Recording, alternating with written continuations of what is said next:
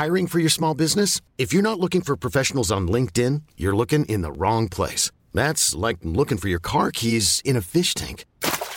LinkedIn helps you hire professionals you can't find anywhere else, even those who aren't actively searching for a new job but might be open to the perfect role. In a given month, over 70% of LinkedIn users don't even visit other leading job sites. So start looking in the right place. With LinkedIn, you can hire professionals like a professional. Post your free job on linkedin.com slash achieve today.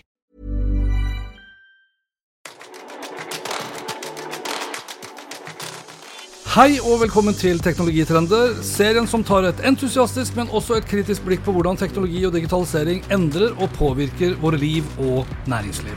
Episoden presenteres av Episenter, Oslos hub for digital innovasjon og et økosystem for innovative selskaper i vekst. Gå inn på episenteroslo.com og bli medlem du også. Alt som går opp, kommer på et eller annet tidspunkt ned igjen, og det fikk de fleste plattformgiganter merke i løpet av fjoråret. Elon Musk sitt oppkjøp av Twitter er en historie i seg selv, og fra oktober 2022, da Elon Musk til slutt, og motvillig gjerne, tok over selskapet for hele 44 milliarder dollar, ja, så antydes det nå i dag fra finansielle hold at nærmere 60% av verdien har forsvunnet bare da i løpet av noen få måneder.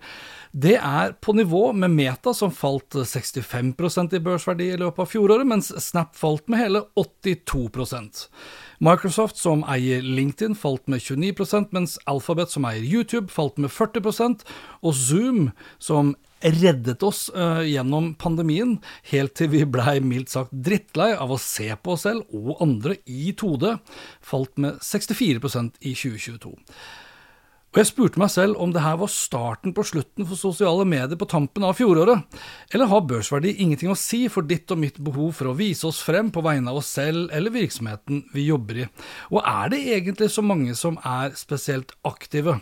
Det finnes flere undersøkelser som tyder på at de fleste bare ser på og ikke ytrer noe selv, i frykt for represalier, troll, hat og kanskje enda verre, da, frykten for å bli kansellert. For å få svar på det her og eh, sette en slags temperatur på sosiale medier i 2023, så har jeg invitert Ståle Lindblad.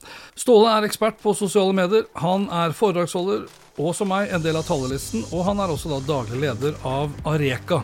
Ståle er også mediekommentator hos kom24.no, hvor han nettopp skriver om sosiale medier. Ståle har i tillegg også utvikla zoomestatus.com, som enkelt og effektivt analyserer Facebook-sidene dine og det helt gratis. Hva tenker du, Ståle, er det et forhold mellom fallende aksjeverdi og bruken av sosiale medier som sådan? Eh, ja og nei. Altså jeg tror det som primært påvirker aksjeverdien, det er jo eh, inntektene, selvfølgelig. Eh, men det er klart bruken påvirker inntektene også, og om en plattform Det er jo primært hvor mye vekst de har, da, som, som har noe å si for det. Så indirekte, ja, eh, så vil det ha noe å si, men, men det er mm. ikke det som er mest avgjørende. Nei.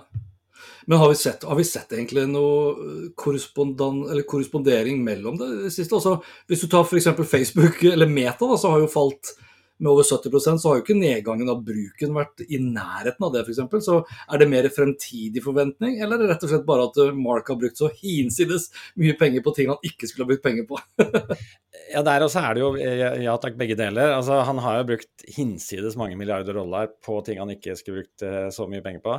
Ja. Men så har jo de også hatt en nedgang altså Jeg så nå at i 2022 var første gang på over ti år at Meta og Google til sammen hadde mindre enn 50% markedsandel.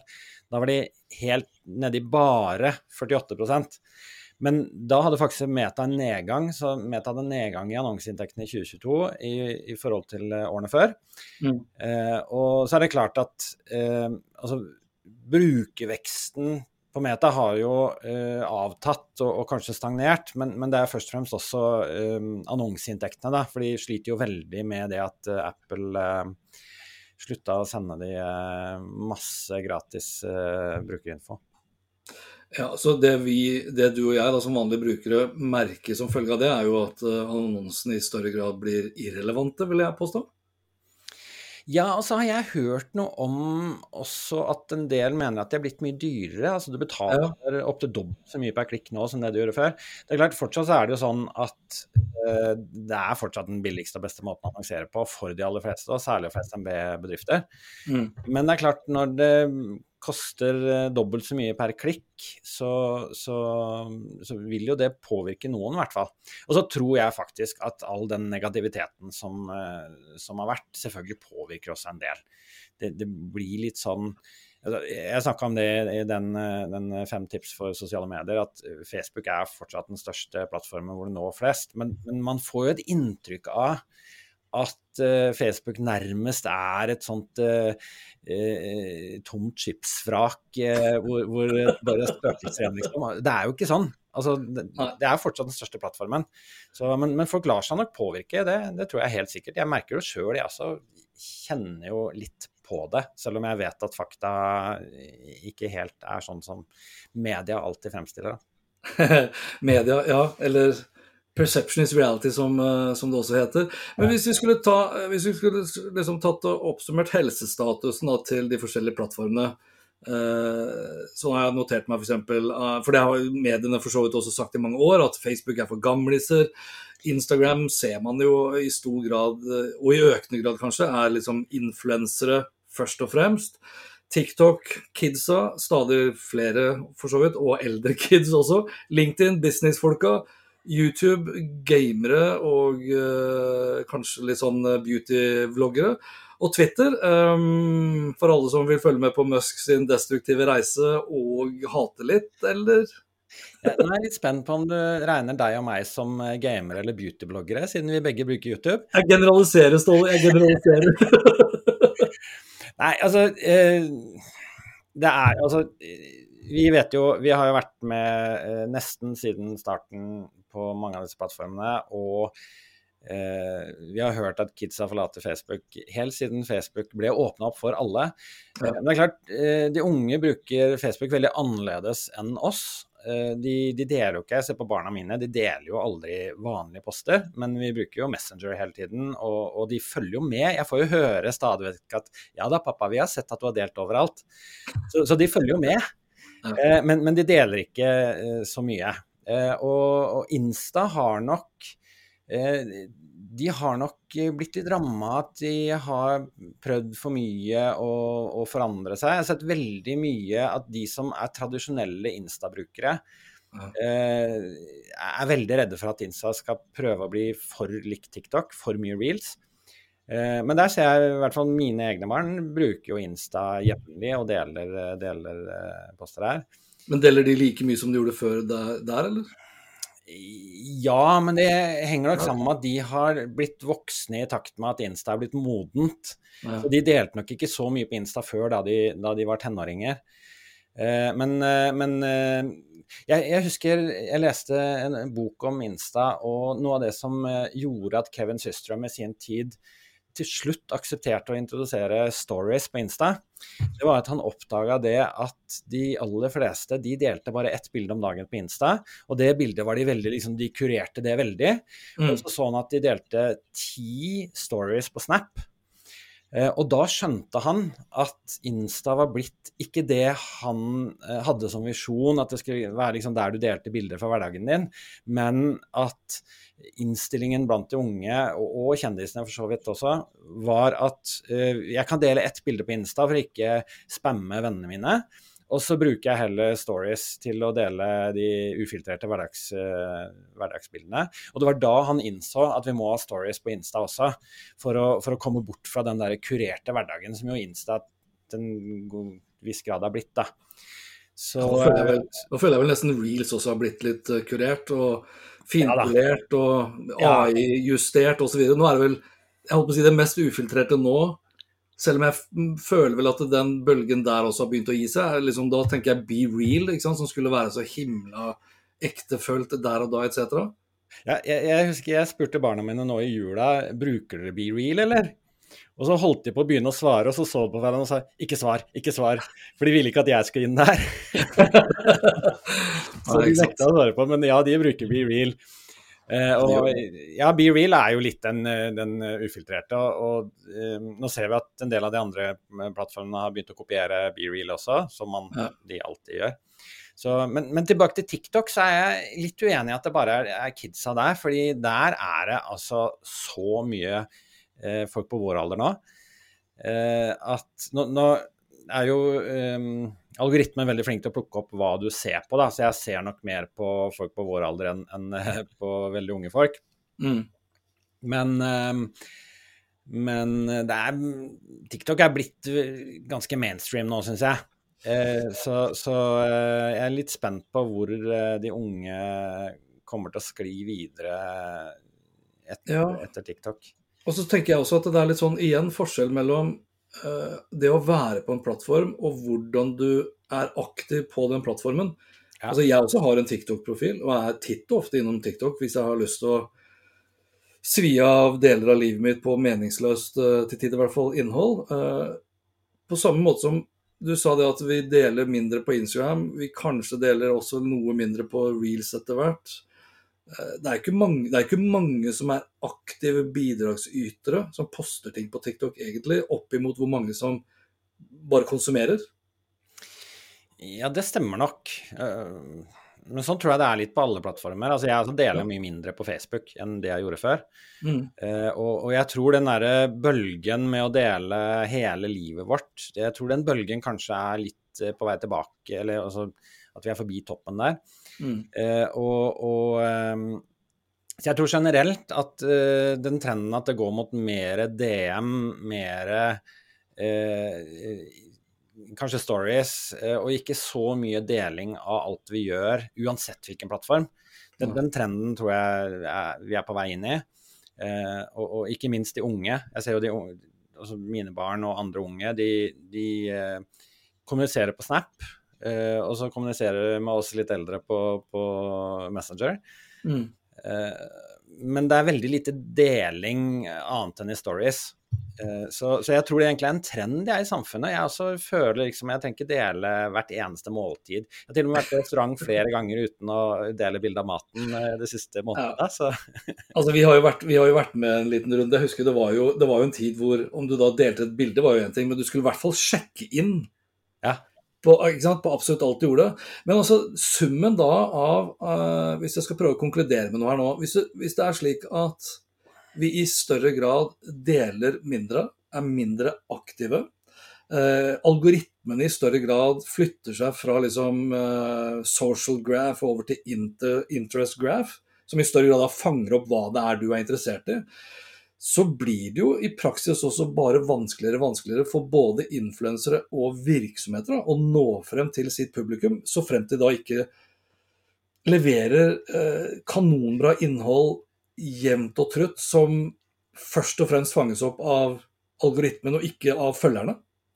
Ja, og der tror jeg egentlig at uh, det er viktig at plattformen ikke bare blir kommersielt innhold, da. Uh, altså organisk eller betalt, men, men, at det blir liksom vi som skal selge produktene og tjenestene våre. Men at det også er vanlige mennesker som deler vanlige ting. Og da tror jeg at for at for å motvirke litt den, den trenden, så tror jeg at virksomheter også eh, må justere innholdet sitt, så det blir mindre reklamete og mer eh, kvalitetsinnhold. Da. Jeg ser jo f.eks. nå en, en, eh, ting som jeg har sett mye av de siste månedene, er at på TikTok så er det nå stadig flere f.eks. håndverkere som eh, viser hvordan du lager ulike ting. og jeg, i forbindelse med et kurs jeg holdt, så, så sendte jeg mail til en en håndverker jeg hadde sett eller en sånn uh, møbelsnekker jeg hadde sett på TikTok, som, som solgte noe, uh, noe, så avansert som kaffefilterholdere. Eller han, han, viste at han lagde det på TikTok, og så sa han tre er solgt, seks er fortsatt til salgs. Og så sendte jeg en mail og spurte jeg fikk du solgt det, eller? Ja ja, solgte det første kvelden. Ja. Så, så, så, så, jeg tror det er litt mer sånn, skal vi kalle det litt mer sånn autentisk innhold også blant virksomheter. Da. Jeg, var eh, her rett før jul også snakka med Severin Poppe Midteide, som, som, er en av de mest suksessfulle eh, håndverkerne på TikTok. Han, hans poster når liksom typ 400 000-500 000, opp til 700 000 eh, visninger bare for å vise hverdagen sin som rørlegger. Altså på engelsk, eller? Hmm? På engelsk, eller? Nei, på norsk. På norsk i tillegg, ja. Ja, ja, så, så, og han viser bare hvordan det er å være rørlegger. Sånn bytter du en, en pakning, sånn renser du vannlåsen, og av og til, så hvis han har et kult prosjekt her oppe i Holmenkollen, så, så viser han liksom sånn så det ut, og så gjorde vi det og det, og så ble det sånn. Uh, han har vel 54 000 følgere, men uh, de beste videoene hans når 600 000-700 000 mennesker. Og de dårligste videoene når bare noen få titusener. Men likevel, da. Han har jo da Både så er han utsolgt, eh, og han får hendelser gjennom TikTok. Eh, så han er fullbooka i lang tid framover. Og han har ansatt fem stykker, og fire av de fem de henvendte seg til han fordi de hadde sett den på TikTok. Ja. Og eh, når du vet hvor, eh, hvor, vanskelig det er å få tak i håndverkere i dag altså Jeg sitter i styret i et, et, firma i byggebransjen, og det er nesten umulig å få tak i fag, fagfolk. Eh, så har jo da eh, Severin gjennom TikTok-kontoen sin da, ikke bare uh, fått solgt ut alt han kan levere, men også da fått fire ansatte. Så, så det er men, men, han selger jo ikke. han bare deler kompetansen sin. Ja. og, og den Det har jeg faktisk sett mer av på TikTok. og, og der tror jeg kanskje de yngre Eh, de yngre i større grad bruker reels og TikTok enn en Facebook, som vi brukte i vår tid da når vi skulle eh, selge tjenestene våre. Ja, Vi vet jo også at de yngre i stor grad, nesten litt for mye syns jeg, jeg synes det er litt skummelt, bruker jo også TikTok som en søkemotor. Ja.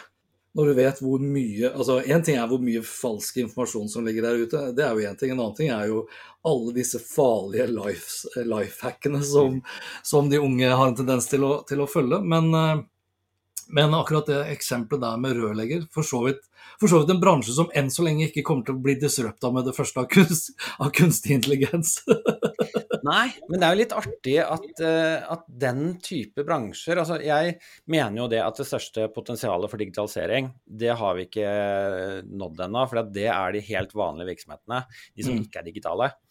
Eh, og, og, det at vi kan se at den type bransjer eh, bruker da digitale kanaler til salg og markedsføring. Det Severin sier, det er at målet mitt er jo ikke å tjene penger på TikTok. Målet mitt er å skape Norges beste bedrift. Ikke bare rørleggerbedrift, men Norges beste bedrift. Det skal være det kuleste stedet å jobbe.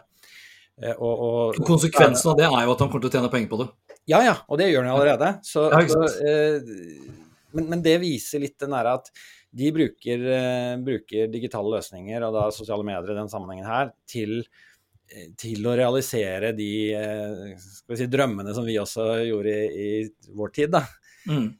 Så, så det, det, flytter seg til andre kanaler, men den driven, den fortsetter. Og, og den tror jeg vi kommer til å se, se i lang tid framover. Og så blir det kanskje litt færre måltider på Insta og, og sånt nå. Men jeg tror vi vil se at det vil utvikle seg, og så vil vi finne nye kanaler som, som egner seg. da. Ja, altså nye kanaler. Du, å, du nevnte det her fem tipsene om sosiale medier for 2023. Det er ikke alle som kanskje har uh, sett eller hørt uh, om de fem tipsene. Hvis du veldig kjapt skulle oppsummert eh, hva det er dagens virksomheter bør være oppmerksom på i år, basert da på de fem tipsene, hva ville det vært? Eh, først og fremst er det jo at eh, det store formatet nå er jo vertikal kortfilmvideo. Ah. det kan du bruke overalt. Nå har alle plattformene støtta det, bortsett fra LinkedIn. Så vertikal kortformvideo, hvis du finner deg til rette i det formatet, så, så kan du bruke det overalt. Nå, nå er, vi er jo et eksempel på det motsatte. Vi er jo, ikke sant? Storformat. Eh, longform istedenfor. Ja, ja, ja, ja. Men det er ikke, ikke enten-eller her. Nei, og det morsomme er at nå har jo TikTok faktisk begynt å støtte De har, de har utvida makslengden til ti minutter, og de har begynt å støtte horisontal video, altså bredformatvideo. Mm. Så nå går de etter eh, YouTube. Eh, så, så men, men ja, og, YouTube, og YouTube går etter TikTok. Nå fikk jeg akkurat her i dag, var det vel, beskjed om å godkjenne nye retningslinjer fra YouTube for å kunne tjene penger f.eks. på shorts, som er da deres uh, vertikale shortform-format på ett minutt. Ja, nå kan du selge kroppen din i, uh, brev, nei, i smalformat. ok, så uh, vertikalt uh, shortform er ett tips. Ja, og, det, og, hvis du finner deg til rette der, så, så kan du bruke det overalt. Uh, og, og, det funker. Uh, og tips to, det er at uh, en del av de, ikke nisjekanalene, men det, det, er en del kanaler som jeg tror mange har glemt litt. altså Sånn som LinkedIn, sånn som Pinterest, sånn som YouTube. Ja. LinkedIn f.eks. funker jo kjempebra hvis du treffer der. Så, så, LinkedIn konverterer bra, det har et, et profesjonelt publikum. Så, så, at ikke vi blir så gira på TikTok at vi glemmer det. Og, og er du innen visse bransjer, altså reise, mat, mote og sånn, så er Pinterest konverterer jo bedre enn noe annet. Eh, og, og, gode gamle YouTube. Altså, jeg må stoppe deg. De, ja. Eh, det hører jeg hele tiden. Ja. Gjelder det også i Norge? Ja. At, det konverterer bedre enn noen Men altså, det er jo veldig hvis det, hvis det, er faktum, eller fakta, er det da Da er vi nede på noen spesifikke bransjer, eller da tenker jeg liksom sånn interiør, bryllup ja. Veldig ja. sånn uh, visuelle bransjer. Og så er det et, det er jo et mye mindre publikum enn du har på de største kanalene. Så når jeg sier konvertere best, så er jo det i, i eh, forhold til rekkevidde og sånn. Men mm. det Pinterest har gjort, er at de har, de har tilrettelagt veldig for å konvertere på plattformen. Og så der hvor TikTok ikke lar deg dele en uh, lenke engang, så har Pinterest lagt til rette med, med, kjøpsknapper, og hvor det er veldig, veldig enkelt å, å selge ting. Og så er det jo veldig visuelt. Ja. Uh, så, så, for de som treffer det, og det er som du sier, det er, det er mat, det er mote, det er design, interiør og, og, reise og den type ting. Mm. Uh, og så er det et overveiende kvinnelig publikum. Så, så, men hvis du treffer der, så er en plattform som Pinterest er absolutt verdt å, å se på. Og så er det jo det at når, det, når, den ikke er like stor som de største plattformene, så er altså konkurransen mindre, da. Så, så derfor så mener jeg at hvis man, eh, selv om alle prater om TikTok, det å huske disse andre kanalene eh, Jeg gjorde en test en gang eh, med LinkedIn opp mot Facebook i forbindelse med markedsføring av et arrangement. Og da var faktisk LinkedIn organisk mye mer effektivt enn Facebook organisk. Og så var Facebook betalt mer effektivt enn LinkedIn betalt. Eh, så, så igjen, da, hvis du treffer der, så, så er det veldig gode muligheter. Så, så, selv om man ikke finner seg til rette med, med vertikal kortform video, så er det massevis av muligheter.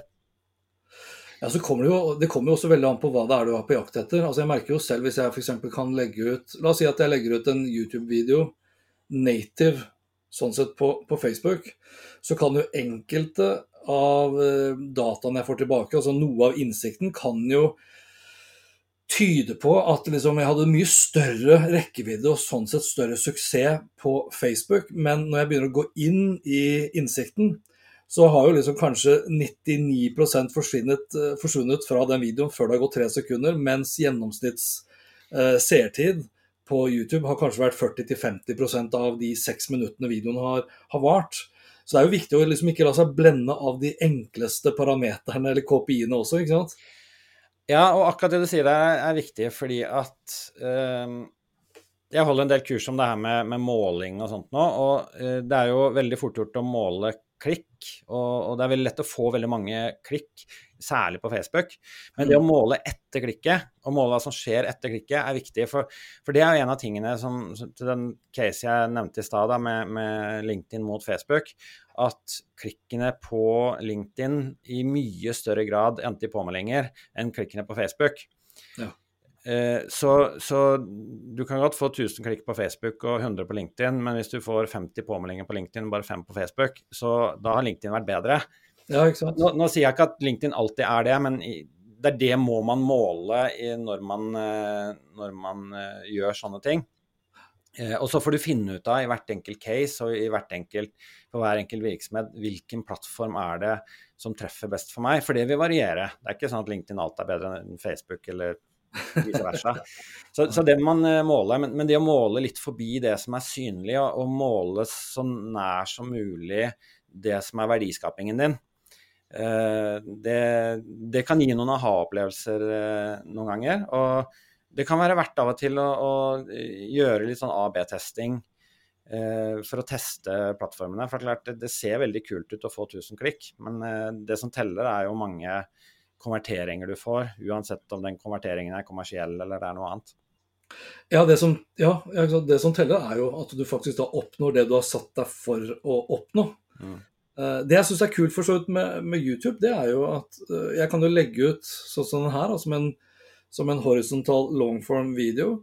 Så kan jeg gå inn på YouTube-appen på mobilen, og så kan jeg da bruke deler av det innholdet her til å lage da en shorts som da peker tilbake på den lange.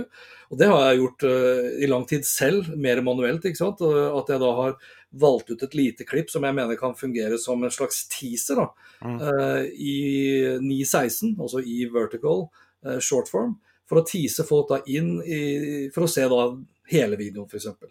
Er det nå vi skal reise oss opp og danse shuffle, da, eller? Men du sa, du sa, også LinkedIn her. Jeg må bare nevne, for Vi, vi startet jo med Facebook, som uh, vi mange opplever kanskje brukes mindre.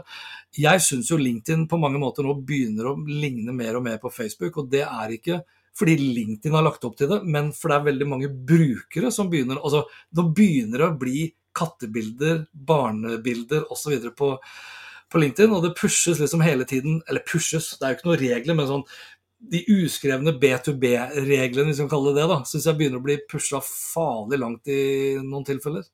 Ja, og det er det som skjer med alle plattformer. Eh, og at, at, det blir liksom mainstream. Nå, det er sikkert ikke lenge til vi får den første måltidet på, på LinkedIn heller.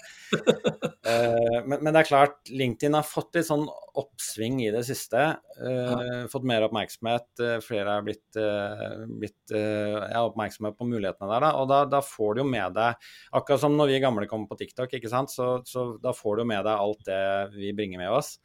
Så, så, det er alltid en fare med eh, det at eh, plattformer eh, får en oppsving på den måten. At ja, de, de blir mer Facebook. A lot can happen in the next three years. Like a chatbot may be your new best friend. But what won't change? Needing health insurance. United Healthcare Tri Term Medical Plans are available for these changing times Underwritten by Golden Rule Insurance Company, they offer budget-friendly, flexible coverage for people who are in between jobs or missed open enrollment. The plans last nearly three years in some states, with access to a nationwide network of doctors and hospitals. So for whatever tomorrow brings, United Healthcare Tri-Term Medical Plans may be for you. Learn more at uh1.com. I'm Sandra, and I'm just the professional your small business was looking for. But you didn't hire me because you didn't use LinkedIn Jobs. LinkedIn has professionals you can't find anywhere else, including those who aren't actively looking for a new job but might be open to the perfect role, like me. In a given month, over 70% of LinkedIn users don't visit other leading job sites. So if you're not looking on LinkedIn, you'll miss out on great candidates like Sandra. Start hiring professionals like a professional. Post your free job on linkedin.com slash achieve today. Og så er det jo, du kan si, du sier fare, men det som er behagelig kanskje også med, med LinkedIn, er jo at det er lite hatprat. Det er ikke så polarisert. Det er ikke spredning av falske nyheter osv. Det, er liksom ikke, det er ikke noen kanselleringskultur på LinkedIn, var meg bekjent i hvert fall. Nei, nei. Og det kommer jo at jeg har hatt den profilen jeg har hatt, da. Ja. Så vi får jo håpe at, eh, at, det fortsetter. At ikke Altså, det er ikke sånn Jeg håper at Twitter fortsetter å være Twitter også, at ikke de prøver å bli TikTok, eh, som de for så vidt har nevnt at de ville. Jeg, jeg, det er synd at alle skal bli TikTok. Jeg, jeg syns TikTok er veldig bra som TikTok. og så, så skulle jeg ønske at Insta kunne være Insta, Twitter kunne være Twitter og LinkedIn kunne være LinkedIn. For det, det er en grunn til at vi har ulike plattformer, og det er fordi at det er ulike formater, det er ulike eh, toner, ulike temaer og, og sånt noe. Ja, det er det hvis alle skal ha vertikal kortformvideo eh, og kjøre på med AI-styrte algoritmer, så det er ikke noe vits i å ha, ha det, er som jeg sier til kundene mine, at det å poste den samme videoen på TikTok og Reels og, og YouTube Shorts og alt, eh, samme videoen samtidig da er, det er ikke vits å følge deg på alle kanaler. Da, for hvis du får de samme det, det er som å se når du ser den samme TV-reklamen eh, for 25. gangen i slutten av en film på TV3, så er du ganske lei av enten det er disse TV-selskapene eller hva det måtte være. Det er sant. Samtidig så har jo det nesten blitt nødvendig å vise TV-reklame såpass mange ganger nå for å nå fram til det publikummet du har betalt for. Men det er en annen diskusjon. Du, jeg, vi spora de tipsene. Vi var inne på ja, eh, Første det var vertikal korsform video. Andre det var husk disse eh, plattformene som eh, LinkedIn og, og, og, Pinterest og YouTube og sånn. Tredje det er at Facebook funker fortsatt. Eh, og det er fort gjort å, eh, som jeg sa i stad, tenke at Facebook er liksom et skipsvrak eh, som, som, seiler rundt alene i, havet. Men, men, Facebook er fortsatt den største plattformen som har de beste verktøyene og, og, har flest mennesker, og hvor du har størst mulighet til å treffe målgruppa di. Så, så det er ingen grunn til at alt det vi har investert eh, i å bygge opp en følgerskare på Facebook, at det skal gå til spille. For at den følgerskaren kommer til å være der i 2023 også. Og det kan godt være at vi når litt flere eller færre, at det koster litt mer eller mindre eh, for hvert klikk og sånn, men, men uh, det å liksom forkaste Facebook fordi at det har vært mye negativ presse, det er dumt, syns jeg. For det er fortsatt den største uh, plattformen hvor det er enklest å nå målgruppa si. Mm. Så, så, ikke kast bort den investeringen som er gjort. Eh, det fjerde tipset det er gode, gamle fortelle historier. Eh, fordi at det funker fortsatt. Og, og, selv med de nye formatene som, som vertikal kortform video, så er det å fortelle en historie er fortsatt like viktig. Eh, kanskje enda viktigere, for at eh, i de nye formatene så har du jo tre sekunder på deg til å fange oppmerksomheten til brukeren. Og det å pakke inn budskapet i en historie, det skaper en helt annen tilknytning eh, til, til, brukeren enn bare å buse ut med et eller annet budskap. Så det å huske å, å fortelle historier, enten det er korte altså En historie kan være én setning eller et bilde, eller det kan være en novelle. Men det å alltid tenke en historie, det funker. Eh, så, så, det er viktig å, å, huske på. Det er ikke noe nytt, men det er, det er fortsatt like viktig. Eh, og det femte sånn, er, sånn er det jo med klisjeer. Det er jo at det er, fordi, det er en grunn til at det blir klisjeer, og, og, og, det er fordi at det funker, men det er ikke så veldig mange antallet som er flinke, trygge i rollen som en historieforteller. Ja, og, og det å tenke historier, jeg tror det er viktig å Altså, Vi tenker litt for fort hva er det jeg har lyst til å si til publikum? Hva er det jeg har lyst til å få ut? Hva er mitt budskap? For det er så viktig. Men for publikum så er ikke det viktig i det hele tatt. Uh, så, så, det å tenke Altså snu seg rundt da, og si hva vil jeg like å få i feeden min? Mm. Hva er det som ville trigge meg? Uh, og det er bare å se når du selv sitter og scroller, uansett hvilken plattform det er på, hva er det som får deg til å stoppe opp? Eh, der er, jo, der, der er, vi jo, tilbake på han rørleggeren du nevnte. Altså, Hvis han hadde falt for den klassiske markedsføringsmetodikken og, vise fram eh, jeg holdt på å si eh, skru, skrutrekkere og muttere og rør, da. Ja, ja. tilbud så hadde han antakeligvis ikke fått liksom 500 000-700 000 visninger, når han istedenfor da forteller historier, sikkert ispedd litt humor, eller i hvert fall en form for underholdningsverdi. Så får heller folk da lyst til å kjøpe, og det tror jeg er en ganske signifikant forskjell. Ja, og han, vi snakka en del om det da jeg var og, og snakka med han, og han sa jo at han må jo for det første så må han jo tenke enkelt, eh, og, og, da prate om et rør, ikke dimensjoner og type rør og sånn. Eh, og det andre, som han sier, han tenker da på vei til jobb, hvordan skal denne historien eh, fungere? Og så sier han jeg bruker bare fem minutter her og fem minutter der på å filme, og så bruker jeg en halvtime time på, på å redigere. Men han har tenkt gjennom på forhånd hvordan skal jeg formidle det her eh, på en god måte. Ja. Eh, og da er det jo da enten det er å bytte innmat i et blandebatteri, eller det er eh, Han hadde til og med en gang en, en uh, rotte rotte som var nedi et sluk, som han klarte å filme denne rotta. Og Da spurte jeg liksom hvor mange takes måtte du ha før rotta gjorde som du, som du sa. Men da hadde han bare det at han skjønte at her nede er det nok en rotte, og da var han klar med kamera med en gang. Og så klarte han da å, å fange den ene gangen rotta stakk hodet fram, da. Eh, og Det er klart, det, blir jo, det fanger oppmerksomhet når du starter med en rotte som stikker hodet fram i et sluk, i en duk. Ja. Det, Nei, så han, han, tenker jo historier hele tiden, eh, og tenker og hvordan kan jeg fortelle dette på en, en uh, måte som gjør at uh, tante Olga på 80 også syns det er interessant.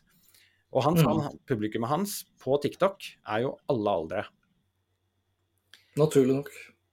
Så, nei, så fortelle historier, det er, det er uansett hvilken plattform, uansett hvilket format og uansett hvilken bransje du er i. Det å fortelle historier, kan fortelle historier om bedriften din, om produktene dine, om eh, stedet du er på, om de ansatte, om kundene dine, om altså, hva det måtte være. Mm. Eh, jeg har også sett Jeg jobba for en offentlig virksomhet en gang hvor, hvor vi skulle forsøke å få ansatt utviklere som skulle holde til oppe i ved Sogndal. Og, og, utviklere er jo De trives jo godt på Løkka, liksom. Men da istedenfor å fortelle om bare at her kan du utvikle spennende løsninger, så, så filma vi da hvordan det er å stå på ski i fjellet, eh, fjorden, naturen rundt og sånn.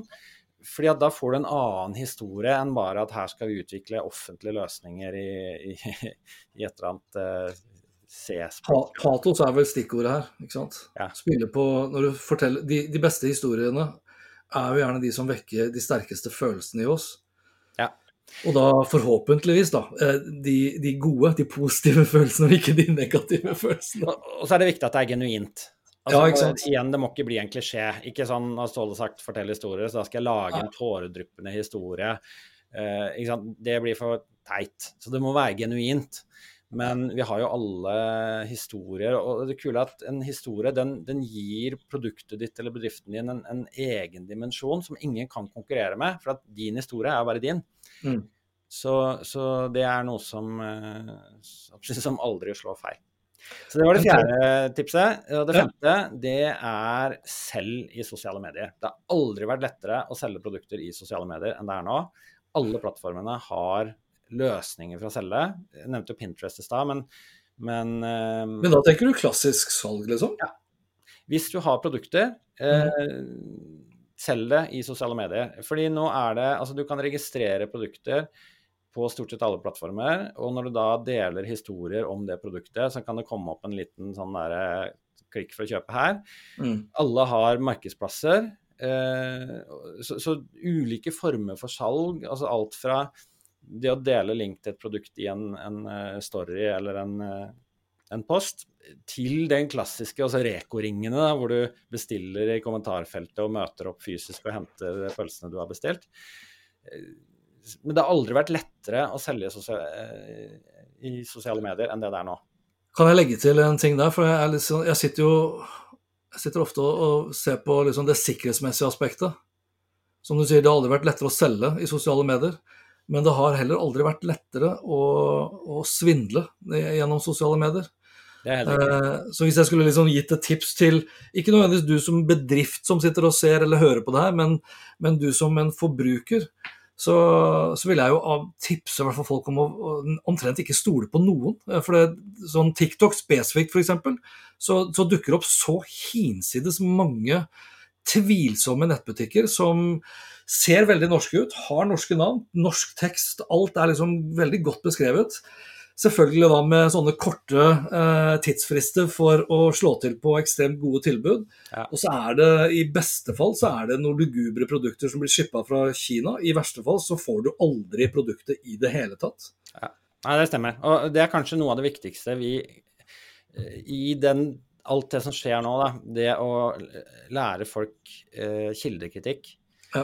eh, altså, Da jeg vokste opp, så, så, lærte vi kildekritikk i form av at eh, Aftenposten er Høyreavisa, Arbeiderpartiet var Arbeiderpartiavisa. Altså, eh, og, og, VG, der må du dele alt på to. ja. men, men i dag også så er kildekritikk viktigere enn noen gang. Og enten det er ungdom som leser nyheter eh, eller får nyheter via TikTok, eller det er som du sier eh, salg via sosiale medier, så er kildekritikk det er superviktig. Nå i det siste så har det vært en flom av eh, e-poster fra Ikea, Telenor og Elkjøp og alt, som er sånn fake gauler du skal klikke for å, for å, få gaven din. Ja, kreative syns jeg det var eh, en som kom fra Ikea Telenor. så det var en bra kombo, syns jeg. Det var liksom helgardert. Eh, altså, det merkelige er jo vi kan jo, litt, vi, vi kan jo le litt av det, men det er jo helt åpenbart at det funker. Mm. Altså det, det, Kostnaden for å sette opp en sånn nettside nå i dag, som da ser veldig bra ut, altså kanskje brukt uh, til og med chat GPT for å gjøre en god oversettelse og strømlinjeforme tekst og innhold etc. Det koster såpass lite å, å svindle. Eh, og det kan gi såpass gode penger, spesielt da når man retter seg inn mot uh, påkobla, uh, velstående og gjerne naive nordmenn. Så, så vær litt varsko på akkurat det. Du, jeg har lyst til å runde av. Mm.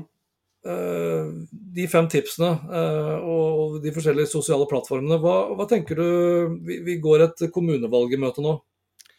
Ja.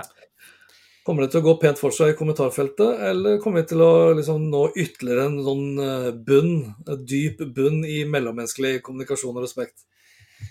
Eh, altså, vi hadde jo noen skrekkeksempler på Sørlandet forrige valg. Ja. Eh, jeg håper ikke vi kommer dit. Eh, jeg håper at eh, Altså, saklige debatter er superkult. Eh, jeg håper vi slipper, slipper det, men det er jo så enkelt nå Eh, og, og, skrike med store bokstaver at eh, jeg frykter vel at det blir litt av det i år også. Eh, du frykter at det blir litt? Ja, eller at det blir en del av det. Men, men det som er viktig der, da, det syns jeg Kjæresten min er politiker, og hun klager av og til at nei, det er ikke noe vits å være på Twitter, for det er bare mas og kjas og negativitet. Men, men det er jo sånn at hvis alle vi skal vi si, normal, vanlig, altså Folk flest de ønsker en sivilisert, vanlig dialog, eh, uansett om det er med politikk eller hva det er.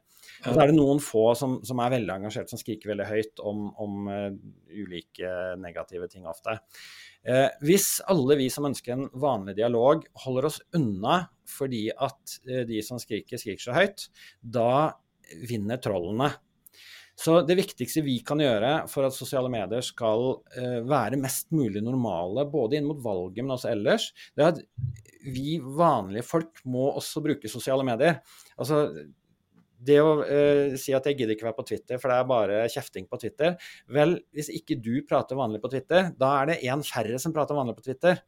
Så vi som, vi som vil ha en normal debatt eller en normal diskusjon. Vi må fortsette å bruke disse plattformene. Hvis ikke så blir det bare disse trollene igjen.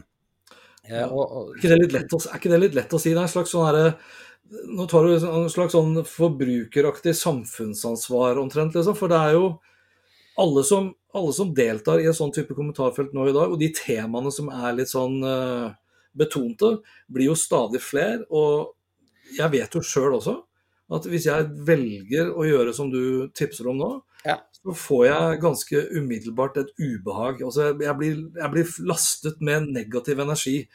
Eh, på toppen av det hele så er det da i tillegg en tidstyv. Så jeg, jeg har jeg, skjønner intensjonen din, sånn ut fra et idealistisk samfunnsansvarsståsted. Men jeg har jo full sympati og forståelse for at nesten ingen gidder lenger å kommentere. Altså, Hanne Lene Dahlgren, som vi kjenner, ja. som er vegetar entusiast. Hun er ikke veganer, fundamentalist osv., men en vegetarentusiast. Hun har hemmelig telefonnummer og mm. orker nesten ikke å delta i kommentarfeltet og må stenge kommentarfeltet osv., for folk går jo av hengslene. Ja, ja. Og det er utrolig synd at det er sånn.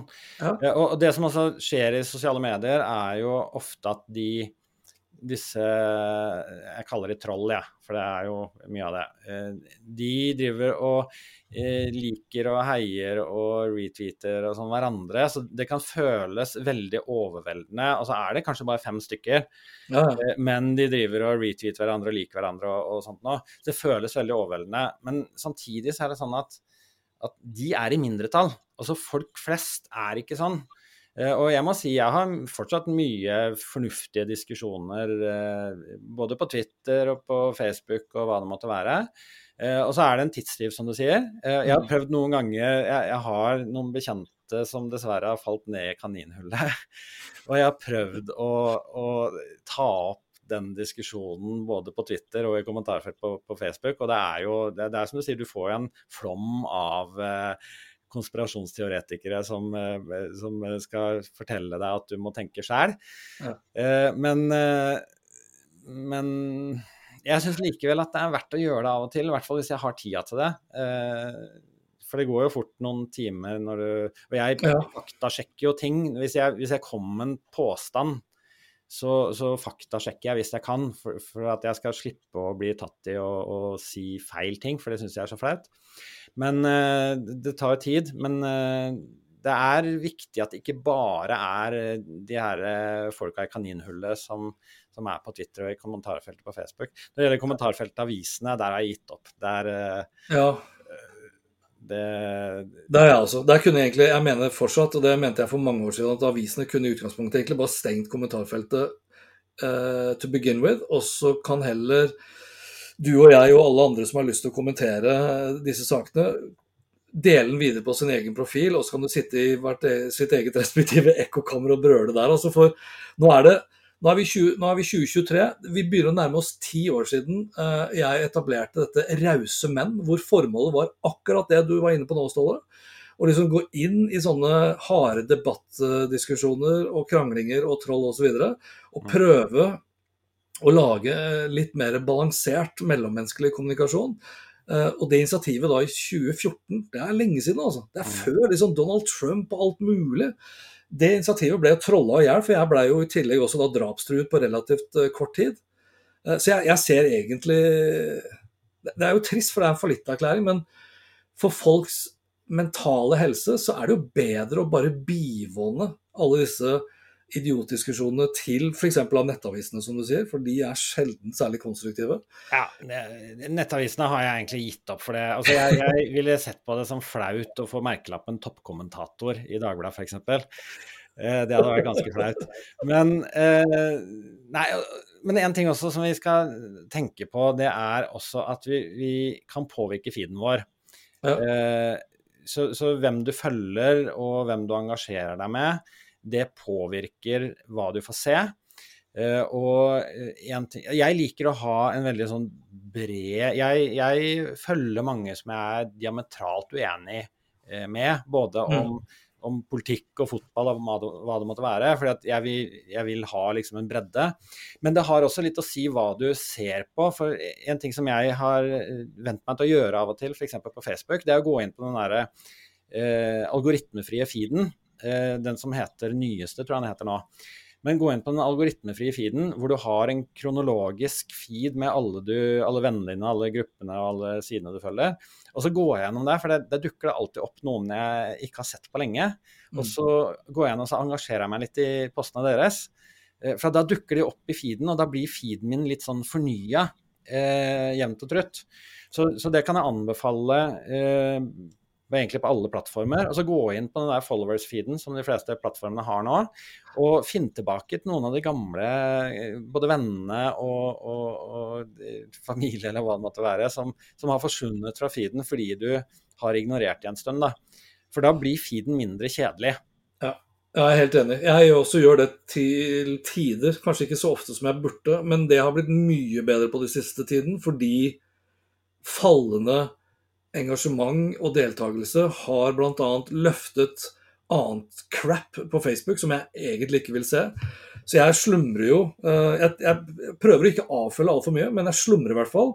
For da, hvis så lenge jeg da slumrer i 30 dager, så vil jeg jo automatisk gi plass til andre. Og hvis jeg da i tillegg investerer som du sier, og litt tid i å, å se da på kronologisk feed for å få kalle det nye innspill, ja, ja, ja så gjør jeg jo selvfølgelig også da min egen brukeropplevelse bedre. Men det, det, det, er du, altså, det, er som du, sier, at du må jo faktisk da gjøre en tilleggsinvestering. Eh, bruke enda mer tid mm. for at eh, plattformtiden din ikke blir like stor en tidstyv, da, f.eks. Ja. Og så må vi jo ta litt ansvar, for nå er jo ikke Mark Zuckerberg i nærheten av å være verdens rikeste lenger. vi må yte vårt bidrag. Okay. Du, Eh, kommunevalget, jeg er spent på hvordan det blir. Jeg tror det kommer til å bli jævlig stygt med tanke på at vi sliter litt sånn eh, Folk sliter med økonomien, og det er vel ikke så mange i Norge som er spesielt fornøyd med Jonas Gahr Støre. Eh, og som du var inne på, det her med historiefortelling. Ting har blitt veldig personlig sant, gjennom ja. sosiale medier.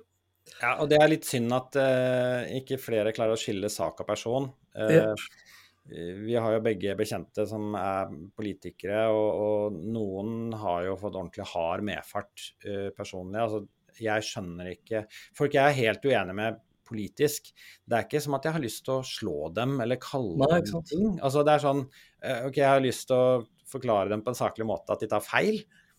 Men, uh, men det er veldig synd at det blir sånn, og at ikke, ikke folk klarer å uttrykke det på en, en mer saklig måte, da. Og, og, særlig det med strømkrise og sånn. Det er klart det får jo folk til å Altså, er, jeg blir av og til veldig overraska over hvem det er som er ordentlig sinna eh, på strømkrise, og som ikke gidder å faktasjekke det de, det de sier. Så det er, det er, litt synd. Men jeg håper vi slipper eh, helt eh, sånn Gale-Mathias-tilstander. For det, det er, Vi får det beste valgkampen hvis folk er saklige. Ja. ja altså, Sosiale medier skulle jo liksom bidra til å styrke demokratiet ved at alle kunne delta og få en stemme. Og så ser vi jo, som du sier nå, eh, egentlig det motsatte. Fordi debatten blir så hard og, skytset blir så kraftig at stadig flere politikere, høytstående politikere, velger jo bort politikken. De orker ikke å stå i det, er ikke verdt det. Og da får vi i hvert fall et dårlig demokrati. Ja, og det er noe som det bruker jeg ofte når jeg diskuterer med disse sinnatagene. Fordi at uh, er det noe vi trenger mer av i Norge, faktisk, så er det politikere og lokalpolitikere. Fordi de aller fleste uh, politiske partier de sliter med å få folk til å engasjere seg. Ja, uh, og de vi ser sitter på Stortinget, det er liksom altså, Det er ca. 11 000 politikere i, i Norge. Og kanskje 1000 av de er fulltidspolitikere. De 10 000 andre de gjør det her på fritida si etter å ha vært på jobb, og de får ikke betalt. Eller får nesten ingenting betalt. Eh, og eh, de som er så sinna på politikerne, enten det er pga. strømkrise eller det er pga. andre ting, vel, bli politiker sjøl. Hvilket parti du, du, sympatiserer med, så trenger de folk. Og de som sitter på Stortinget i dag, eller sitter i regjering i dag, de har gått dørbank i et eller annet lokalmiljø i årevis før de kom på Stortinget.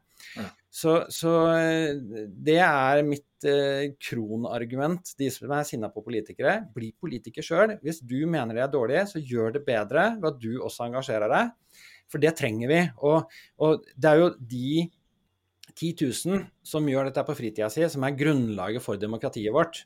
Eh, og hvis vi ønsker at Norge skal være noe annet enn det vi f.eks. ser i USA nå, så, så, er det viktig at vi, at vi, bygger opp under det.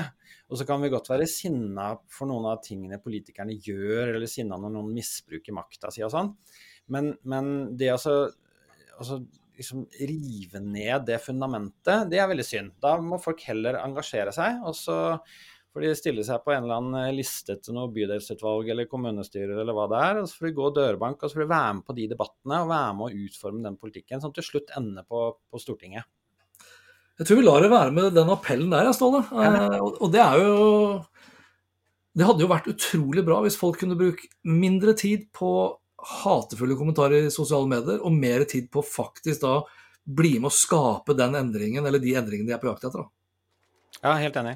Det, og det er eh, Det har aldri vært større muligheter eh, enn det det er nå gjennom sosiale medier, så det er eh, Tenk positivt. Grip dagen. Ja, ikke sant. Carpe diem der, altså. Takk skal du ha, Ståle. Vi snakkes, da. I like måte. Hei. Hei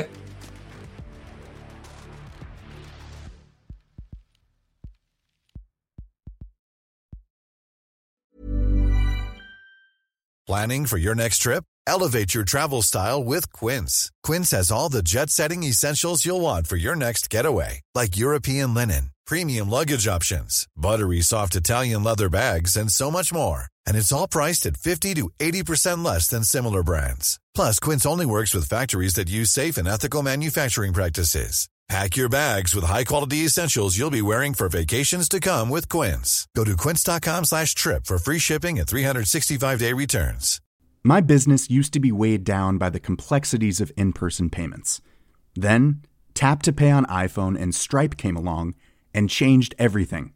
With Tap to Pay on iPhone and Stripe, I streamlined my payment process effortlessly. Now I can accept in-person, contactless payments right from my iPhone.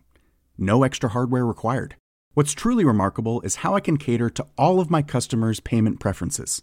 Whether they're using cards, Apple Pay, or other digital wallets, Tap to Pay on iPhone and Stripe ensure a smooth checkout experience every time.